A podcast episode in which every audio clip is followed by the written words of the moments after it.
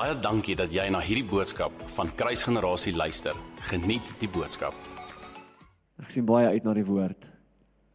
Vanmôre begin met 'n vraag of twee of drie of vier. Wie hier vanmôre wil weet wat die gedagtes van God is? Reg. Wie hier vanmôre wil die gedagtes van God hê? Wie wil dink soos God dink? Hande.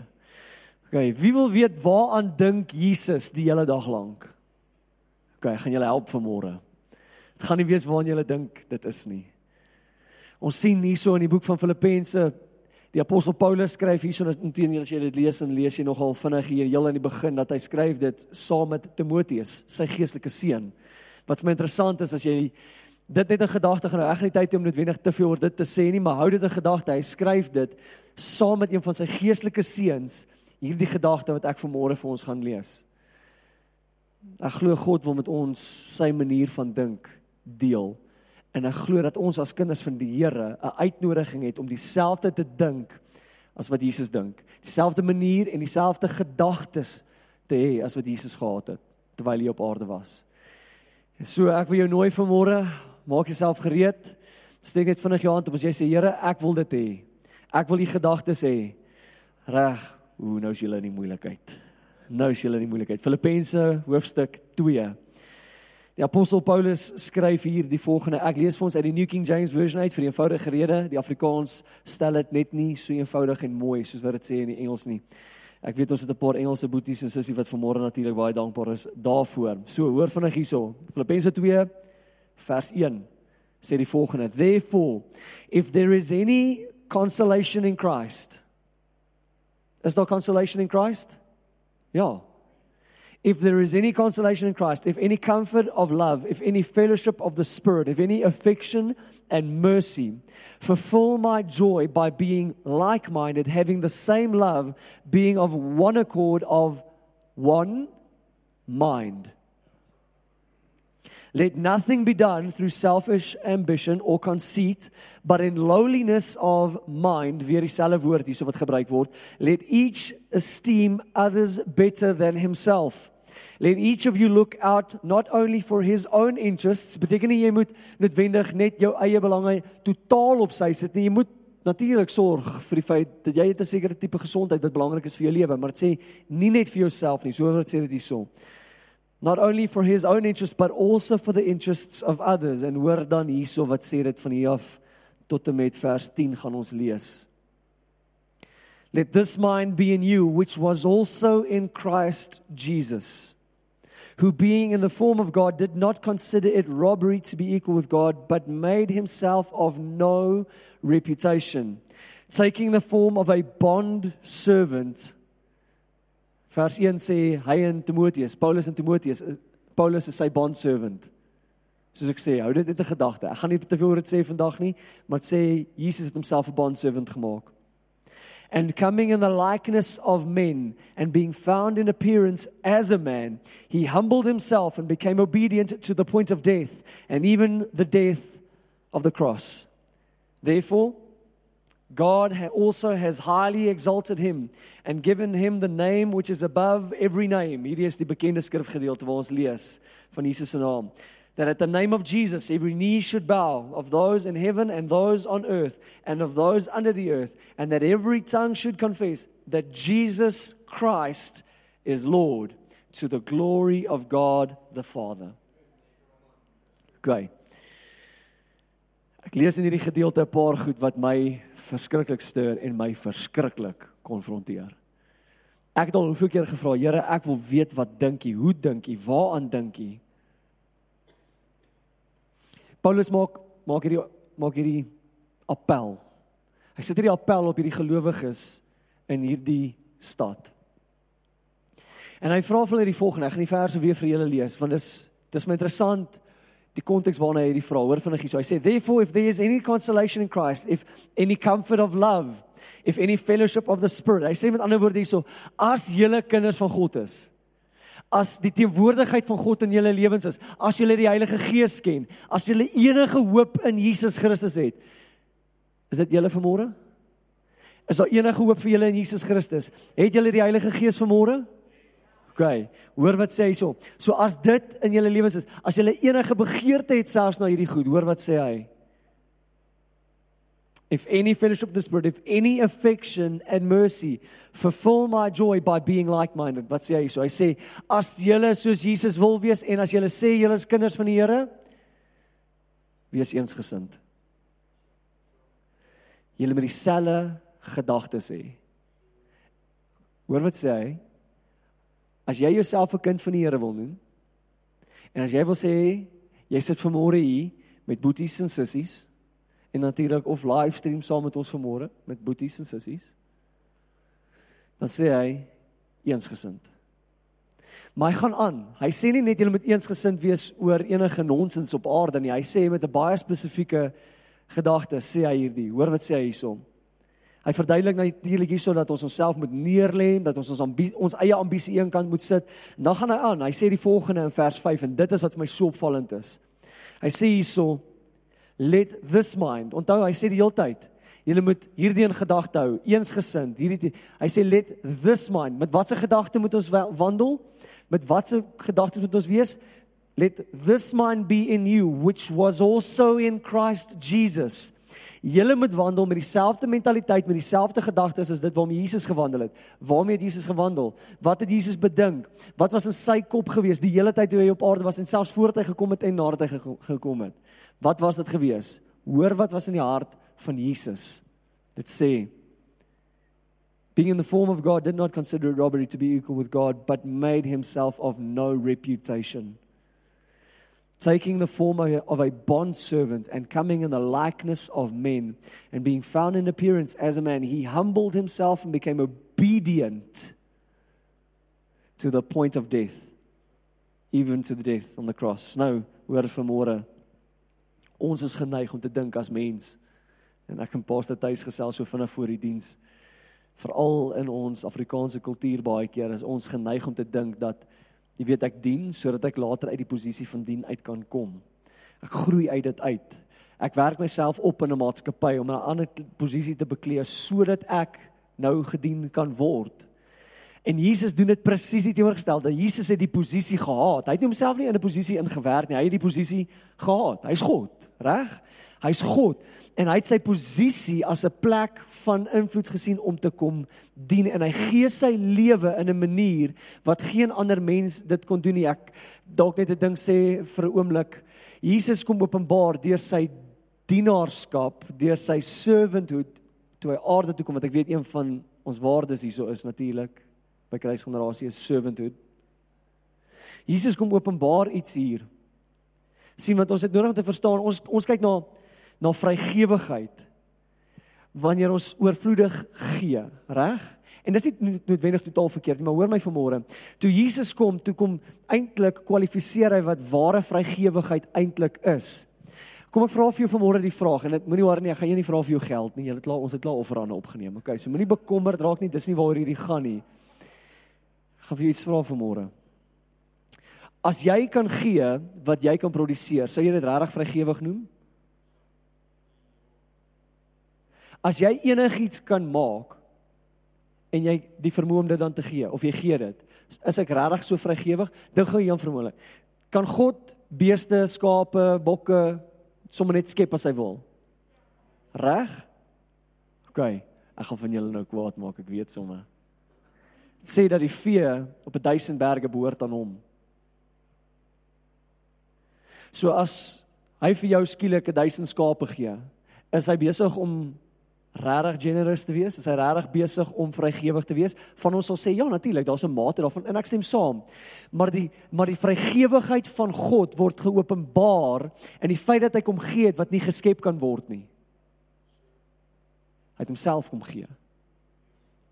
Die vrygewigheid van God word gedefinieer deur die feit dat hy kom gee het wat nie geskep kan word nie. En wanneer ons dit besef, wanneer ons kyk na die na die offer wat gebring is, die die uncreated God himself gave himself dis vrygewigheid. En dan kom hy na ons en hy sê gee jouself dit wat jy nie kan skep nie. Ons dink ons is so vrygewig as ek my my bankrekening leeg maak en iemand seën of dalk iemand bless met 'n kar. En hoor my doen daai goed. Daar's niks fout met dit nie maar hoor my vrygewigheid word hieraan gemeet dat ons gee wat ons nie kan skep nie en dit is wat Jesus hier kom doen het Hy kom lê homself neer op 'n manier waar hy gee wat nie dink daaraan, daar's niks wat so daar's niks wat ongeskep, ek weet nie hoe hierdie eens te sê nie. Ek soek die woorde.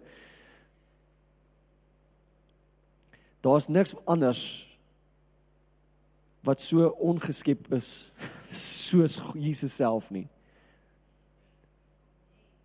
Niks. Niks nie en hy lê dit neer. En so dit is die perspektief om Jesus kom. Hy kom en hierdie gedagte kom openbaar. Hy sê dat hy gee homself. In Johannes 10 wil julle vra om sommer so toe te blaai. Ons gaan nou nou weer 'n paar gedeeltes uit die boek van Johannes uit lees.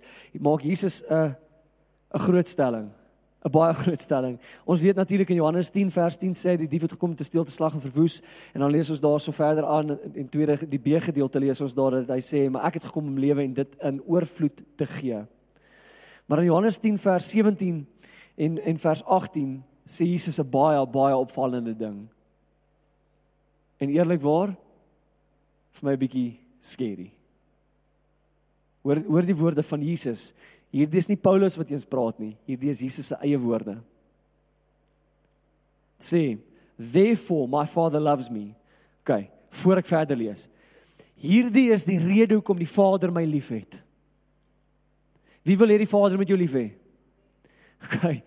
Hierdie is die rede hoekom die Vader in die hemel my liefhet. Dis Jesus se woorde.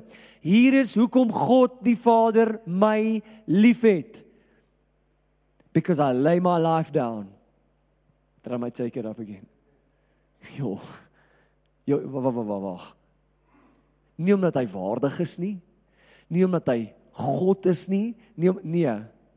Die rede hoekom die Vader Jesus liefhet is omdat Jesus sy lewe. Dis Jesus se woorde. Ek wens ek kon hierdie opmaak. Ek kan nie. Dis Jesus se woorde hierdie. Wat beteken dit moet die waarheid wees want onthou Jesus is die weg, die waarheid en die lewe. Hy praat nie leuns nie. Hy's nie 'n mens wat hy sou lieg nie. Hy is die waarheid. Hy's die woord van God. So wat jy lees hierso is die woord van God wat die woord van God praat. En hy sê hierso, therefore vir hierdie rede is my Pa lief vir my. Therefore my father loves me because I lay my life down that I may take it again. No one takes my life but I lay it down of myself. Hy het die keuse. Jesus het die opsie gehad, sal ek my lewe neerlê of nie? En hoor hierdie stelling. Hoor wat sê dit hier in die B gedeelte hierso. Sê I have power to lay it down and I I have power to take it again. This command I have received from my father. So met ander woorde, die Vader sê vir die seun, gee jou lewe. En hy sê ja Vader. En daar's 'n liefde wat ontstaan in die hart van die Vader vir 'n seun wat sy lewe neergelê het. Hoekom dink ons ons het nie nodig om ons lewens neer te lê nie? Totaal. Ek praat van totaal. Dink daaraan. Jesus het nie kom die vir op 'n duisend berge gee nie. Hy het nie net 'n paar mooi teachings kom gee nie. Hy het, hy het nie net 'n paar oomblikke kom sit en deel nie. Hy het hy het homself gegee. Hy het letterlik homself. God het homself totaal gegee. Sy hom sy letterlik nie net sy lewe nie, onthou hy is lewe. Weg waaruit lewe? Hy het lewe kom neerlê sodat hy jou kan wen. En dan dink ons ons kan wegkom met met substandaard of hierdie patetiese verskoningetjies wat ek hom my lewe is besig. Ek kan myself nie neerlê nie. Ek kan nie so soos dink gegee aan vir 'n oomblik. God God het homself kom neerlê. Dit is wat in sy gedagtes was. Ek het jou gevra voor die tyd, wil jy die gedagtes van God hê? Nou ons is ja, pas toe ek so die gedagtes van die Here. Ek wil weet waaraan dink Jesus die hele dag lank. Jesus is hoe kan ek myself gee? Hoe kan ek myself neerlê? Ek weet nie so lekker van dit nie. Ek weet nie ek dink nee, ek wil. Ek het julle hande gesien.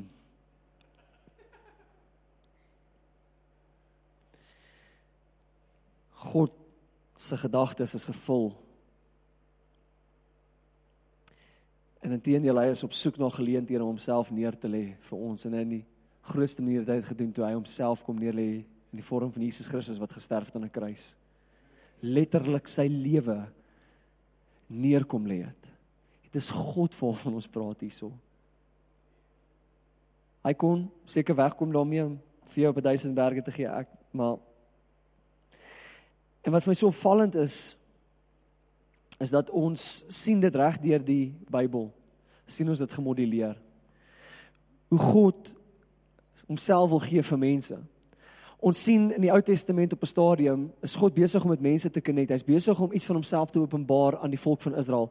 En die volk van Israel draai eintlik teen God en hulle sê, "Ons soek 'n koning. Here, gee vir ons 'n koning. Ons wil 'n koning hê, 'n aardse koning." God sê ek wil nie vir julle koning gee nie, ek is julle koning. Ek is nie wat oor julle heers. Ek is die tipe koning wat nie net oor julle wil heers en 'n klomp goed van julle vereis nie. Ek is die tipe koning wat goed vir julle wil doen. Ek is die tipe koning wat julle wil dien. Ek is die tipe koning wat my lewe vir jou wil neerlê. En die volk van Israel sê nee nee nee, ons soek 'n koning wat oor ons wil kom net 'n klomp goed wil van ons wil hê. Ons as mens verstaan nie wat dit is om 'n neergelegde lewe te leef nie. En God se se begeerte reg van die Ou Testament tot in die Nuwe Testament was gewees om te kom openbaar wat dit is om jouself te gee vir 'n ander saak, jouself te gee vir 'n ander. Hy kom doen dit natuurlik in sy seun Jesus Christus en en ons gaan nou vir 'n oomblik daar gesels en ek weet sommer ek ek besig om 'n paar mense daar kwaad te maak want want hoor my gou-gou. Hoor my gou. Ek weet dadelik is van van ons wat hier sit vanmôre besig om te dink aan skrifte waar byvoorbeeld Jesus sê ek noem julle nie meer slawe nie, maar vriende. Reg? Noem julle nie slawe nie, vriende. Pastoor, weet jy wat is great? Ek verstaan die hele die diensknegt ding, ek verstaan die hele ne lewe neerlê gedagte, ek verstaan dit. Maar pastoor, jy moet onthou, jy weet, ek is 'n ek's nou die bruid van Jesus Christus. Ek is nou 'n seun in die huis van die Vader.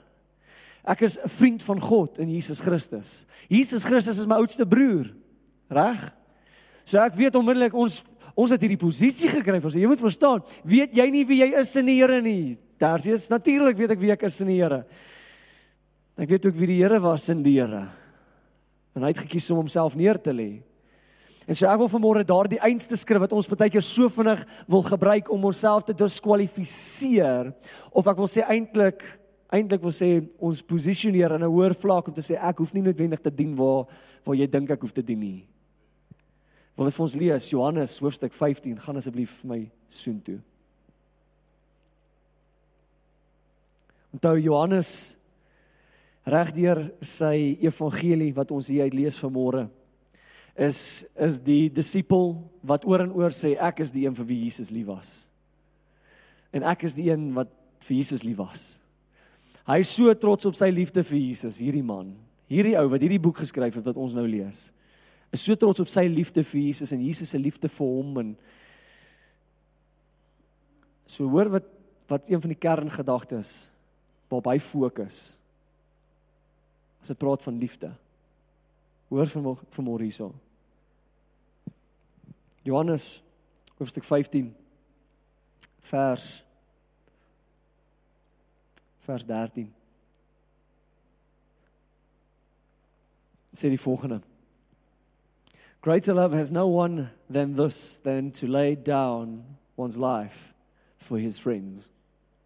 Ek wil vanaand vra, hoofstuk 13 sê vir ons die volgende, dit sê vir ons dat hierin sal hulle weet dat julle my disippels is deur julle liefde vir mekaar, reg?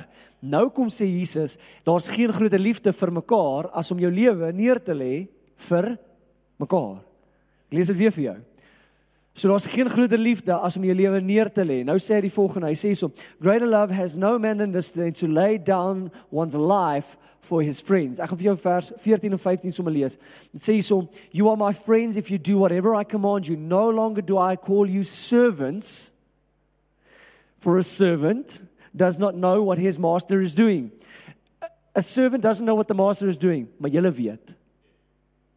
Julle weet. Julle weet wat ek kom doen het. Ek's die meester.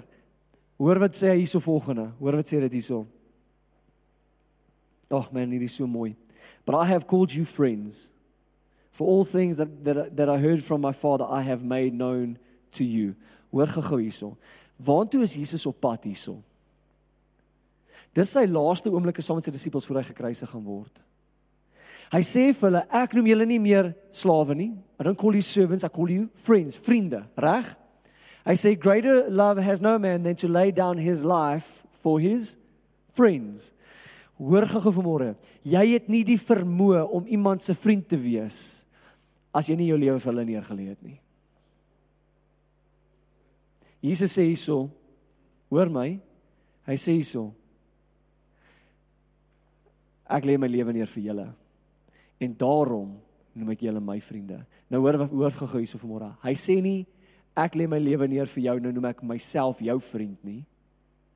Hy sê ek lê my lewe neer nou my, nou noem ek jou my vriend. Julle het dit opgelet? OK, ek gaan dit weer vir julle lees. Julle hoor my gou vanmôre. Hierdie is groot. Hierdie is baie groot. Jesus sê nie Hy sê nie ek lê my lewe neer hoor my OK ek weet wat ons nou gaan lees. Hoor my gou-gou vanmôre. Stay with me stay with me OK dis die oomblik wanneer jy jou lewe neerlê wat daai persoon jou vriend word. Maar in die neerlegging van jou lewe beteken dit nie noodwendig jy's hulle vriend nie. Hoor gou-gou hierso. Hoor gou hierso. Greater love has no man than this than to lay down one's life for his friends. Ek lê my lewe neer vir iemand wat my vriend noem. Jy kan net daardie persoon jou vriend noem as jy dan ook respond in jou lewe vir hulle ook neer lê. Hoeveel van ons wat hier sit vanmôre kan God ons vriend noem? God en Jesus Christus verklaar jou sy vriend. Hy doen want hy het sy lewe vir jou neergelê. Maar kan jy sê my lewe is neergelê vir Jesus Christus dat jy hom jou vriend kan noem?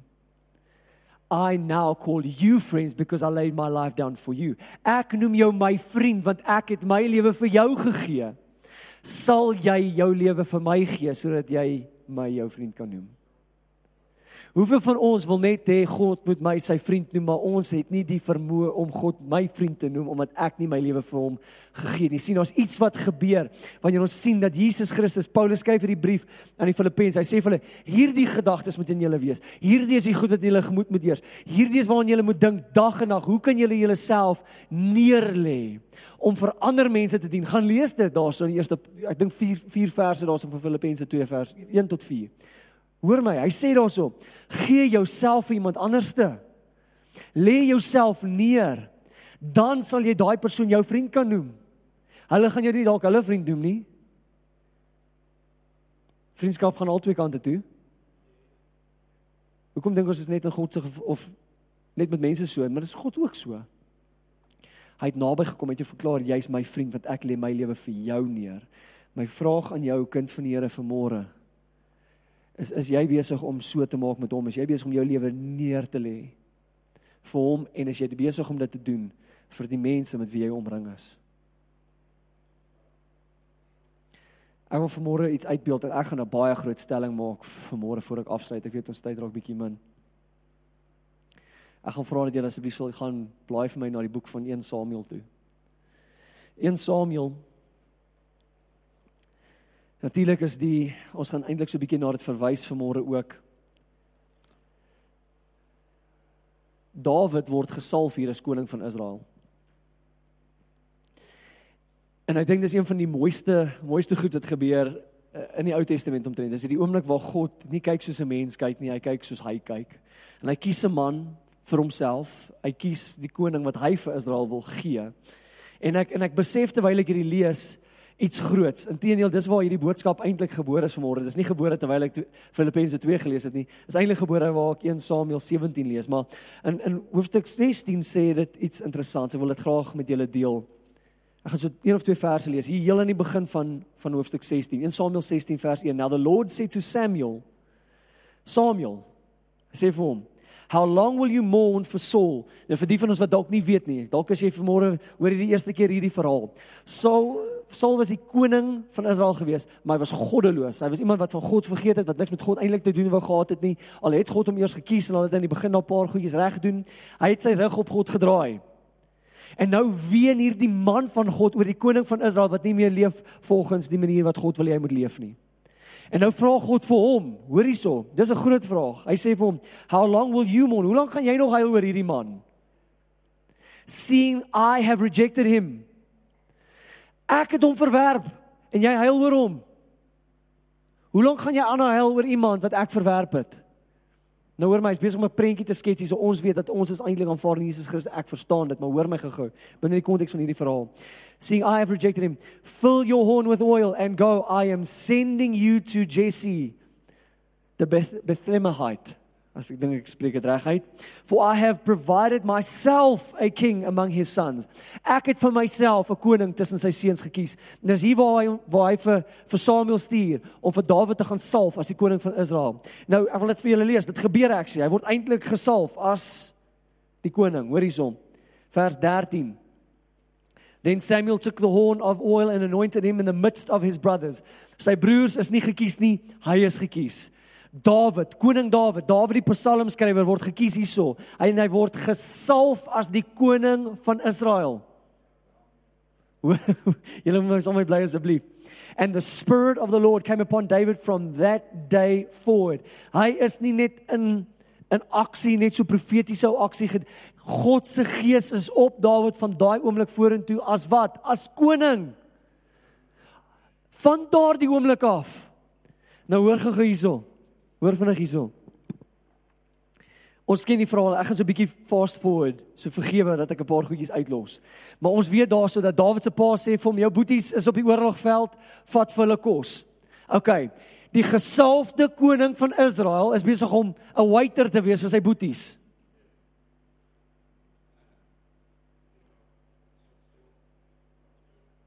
Ja pa. Ek sal dit doen. En hy pak sy tassies sy lunchbox vir sy pa se seuns. En hy loop ready to serve Father. Jesus is die koning van alle konings. Profeties kom doen Dawid iets hierso as die koning, gesalfde koning van Israel. Hy sê, "Is reg, Vader, ek gaan na my boeties toe." Wat in die moeilikheid is soos wat die koning van alle konings gesê het Vader ek sal gaan na my boeties toe wat in die moeilikheid is. Hoor hierso, kinders van die Here hoor my vanmôre. Hy sien hy sien vir Goliat, hierdie goddelose onbesnede Filistyn soos hy na hom verwys en hy sê wie's hierdie ou? Hierdie ou wat so van my God praat. En nou sê hy ek sal hom uitsorteer. En almal is bang vir hierdie man. Almal is bang vir hierdie ou, reg? Almal is bang vir hom.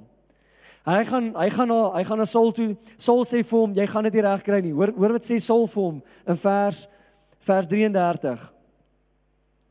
Hy sê, "You are not able to go against the Philistine to fight with him. You are a youth and he a man of war from his youth."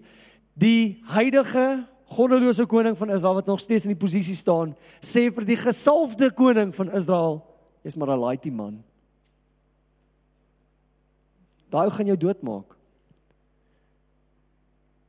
Hoor wat is sy woorde? Hoor wat onthou. Onthou met wie praat wie gaan met wie gaan Dawid praat? Dawid gaan praat met Saul. Saul is die een wat God verwerp het. Hy het God verwerp en God het hom verwerp. Reg? Ek wil julle oor die prentjie asseblief bly saam met my vanmôre. Hy het God verwerp, God het hom verwerp.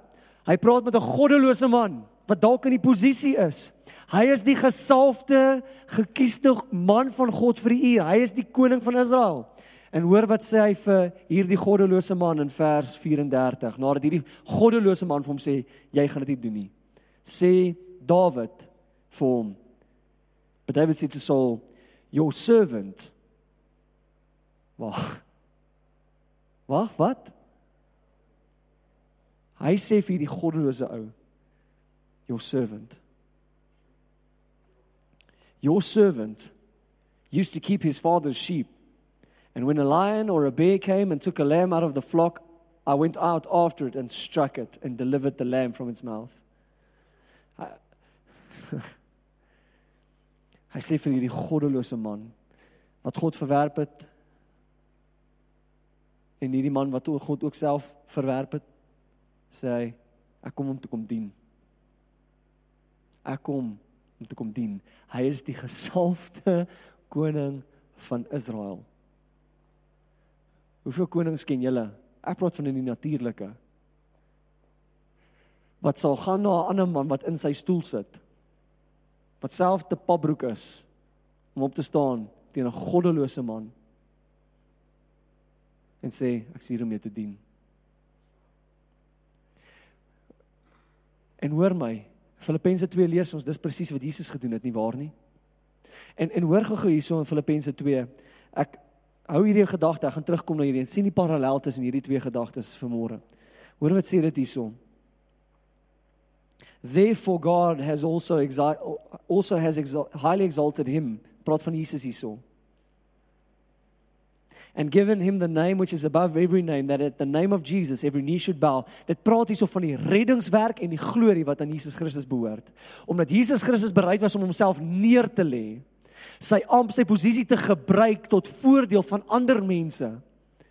Sy gawes, sy talent. Ek wil vir jou sê vanmôre, ek gee nie om wat se gawe jy kan jy kan praat in tale, profeteer, mense gesond met en jy weet hoe lief is ek vir al daardie dinge. Maar jy kan al daai dinge doen as jy nie iemand dien nie, lyk like jy niks soos Jesus nie. Jesus Christus het gekom om te kom dien. En in hierdie oomblik sien ons hierdie parallel tussen hierdie koning Dawid en die koning van alle konings. Die een wat wat se naam maak dat elke knie gebuig elke tong bely. Reg? En of jy sê vanmôre en hierdie gaan julle kwaad maak ek weet sommer maar dit was nie 'n koning gewees. Dit was nie 'n koning gewees wat Goliat verslaan het nie. Dit was 'n dienskneg. Dit was nie 'n koning gewees wat jou sondes vergewe het nie. Dit was 'n dienskneg. Is hy koning van alle konings? Ja, maar hierdie koning het kom dien. Hy het die vorm van 'n bond servant geneem. Die koning het die servant geword. Ek wil jou vra vanmôre kind van die Here. Kan jy God jou vriend noem? En kan jy die mense wat saam met jou sit hier vanmôre jou vriende noem omdat jou lewe neergelê is vir hulle en vir hom? Kan jy dit sê? Want ek sê jou vanmôre dat nie een van ons, ek sluit my by dit in. Ek maak nie of ek wil maak is nie. Hoekom dink julle preek hierdie vanmôre want die Here het eers met my kom praat hieroor? So ek staan nie vanmôre soos ja, julle moet almal diensknegte wees nie. Ek sê nee, ons het nodig om diensknegte te wees. Nie een van ons kan dink ons lyk enigsins soos Jesus. Maak dit ook wat jou gawes is, wat jou talente is, as jy nie lyk soos Jesus in terme van servanthood nie, dan lyk jy glad nie soos hy nie dan lyk hy so Saul wat al die gifts gehad het. Hy was die man gewees. En hoor my vanmôre. Hoor my vanmôre vers 18 of hoofstuk 18 lees jy daarso. Dawid versaam vir Goliat. En almal begin Dawid eer en prys en ooh, Dawid. Dawid Saul, ag hy het so 'n paar ouetjies uitgesorteer, maar Dawid. Hy het, hoor my, hoor gou hierso. Dis die eerste fight wat jy actually sien wat Dawid met 'n mens het. Maar nou skielik gaan lees dit wat staan in hoofstuk 18 dink ek is dit. Sê wat sê en Dawid sy 10000de verslaan. Hy het een duur uitgehaal. Een ou. En almal soos Dawid. Die vrouens van Israel letterlik Dawid, oh, sy 10000de. En Saul is soos wag wag wag. Hierdie ouetjie. Hierdie ouetjie. Die koning wat nie bereid is om te dien nie sal nooit ooit kan ontvang wat kom van die koning wat dien nie. En ons koning is 'n koning wat dien. Hy's 'n dienskneg. Hy het homself neergelê. En ek kan nie dink, ek kan nie dink hoe ons kan dink dat ons gaan wegkom daarmee om nie te dien nie. For this reason my father loves me that I lay down my life het my lewe neergelê en my Vader is lief vir my. Ek weet nie van julle nie. Ek wil dink soos Jesus. Ek wil dink soos Jesus. Let this mind be in you. Met hy begin hierdie hele gedagte die hele gedagte hoofstuk 2. Therefore if there is any consolation in Christ, as jy enigsins 'n hoop in Jesus Christus het, as jy enigsins die fellowship van die Heilige Gees in jou lewe het, moet jy hierdie mind in jou hê. Wat's 'n mind? Made himself of no reputation to become a bond servant. As jy wil sê jy is 'n kind van die Here, hoop ek jy is besig om iewers te dien, iemand te dien. Wie nie som my staan nie asseblief.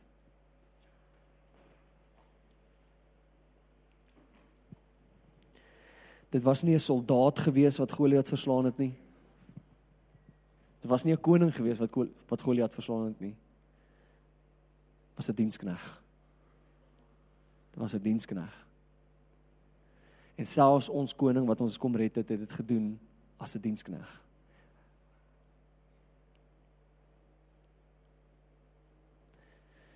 Here vanmôre wil ek U mooi vra.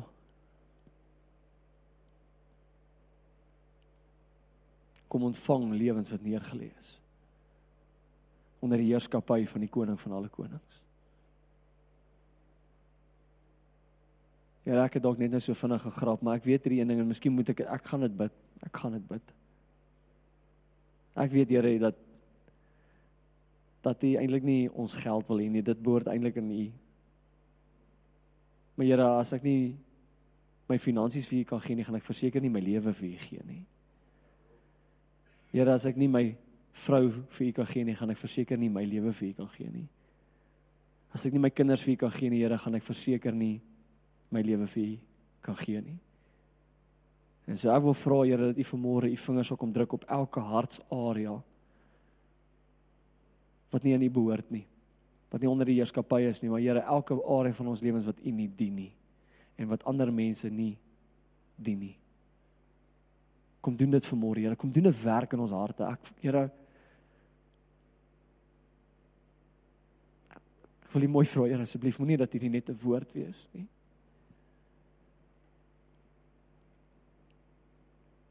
Kom konfronteer Here waar ons die posisie wil bekleë, maar nie so Saul, so Saul die posisie wil beklee maar nie wil dien soos daardie tipe koning wat hy is nie. Here, as Dawid dit kon doen want ek weet ons kan maklik sê vanmôre Here, ons kan dit maklik sê. Ja, maar dis Jesus. Jesus het die vermoë om dit te doen. Here, Dawid het dit gedoen voor voor Jesus selfs die prys betaal het, het Dawid dit gedoen. Mag ons dit dan ook doen, Here. Kom bewerk hierdie ding in ons harte. Kom bewerk hierdie ding in ons harte, Here, soos ons ons lewens neerlê om U en natuurlik ook ander te dien.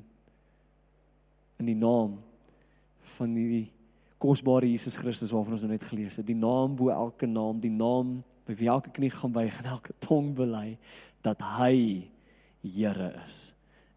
In sy naam alleen. Amen. En amen. Dankie dat jy na hierdie podcast geluister het. Indien jy die boodskap geniet het, deel hom asseblief met jou vriende.